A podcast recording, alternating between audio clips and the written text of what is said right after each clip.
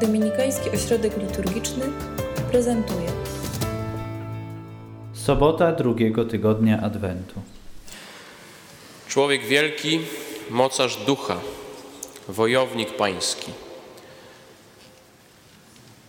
Pierwszy król Izraela.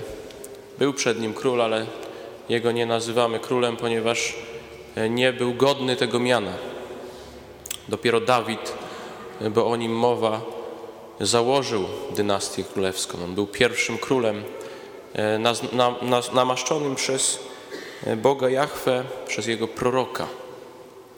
Dlaczego został królem? Ponieważ był człowiekiem ducha. Był gigantem ducha, pokorny, wzięty jako ostatni z synów. E, zupełnie sytuacja wyjątkowa.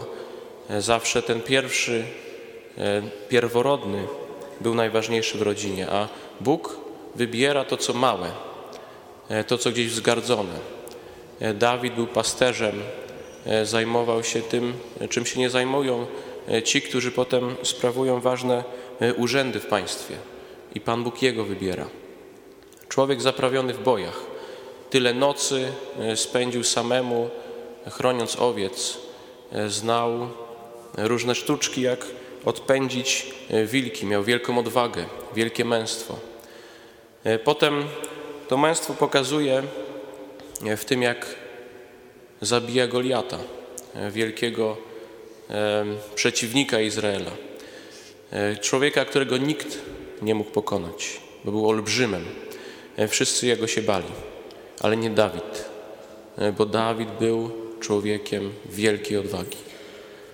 E, I potem generał e, wojsk izraelskich, o którym śpiewano, że e, dziesiątki tysięcy pobił Dawid. Ten, który nie bał się narazić się na śmiech swojej żony przyszłej, ponieważ tańczył przed arką Boga.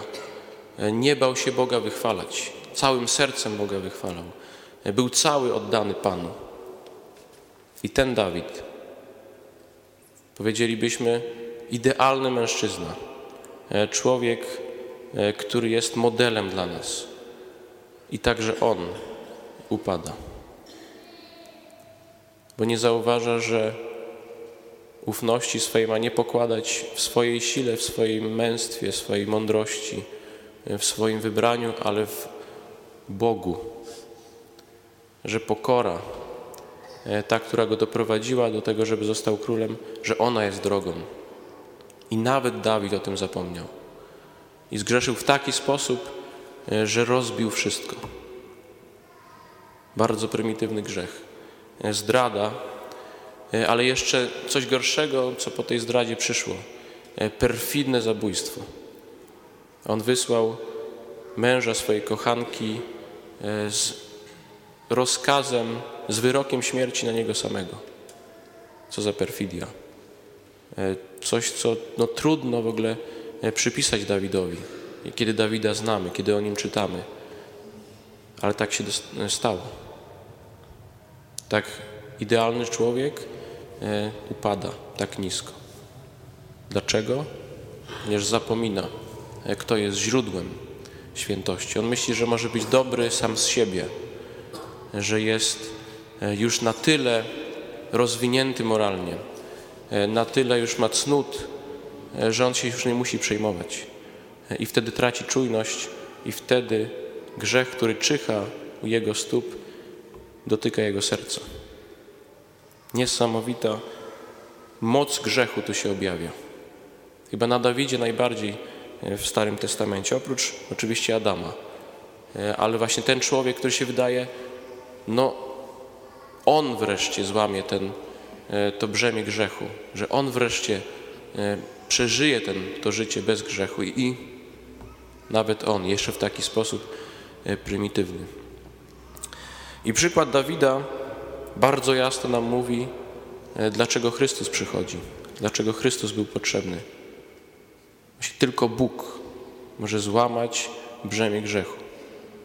Tylko Bóg tego może dokonać. My sami z siebie dobrymi nie możemy zostać, ponieważ jesteśmy gdzieś tam połamani wewnętrznie przez grzech.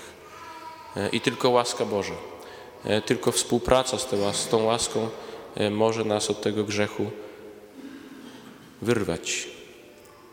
Przybądź, Panie Jezu, i wyrwij nas z tego więzienia grzechu, abyśmy mogli żyć pełnią Twojej łaski. Amen.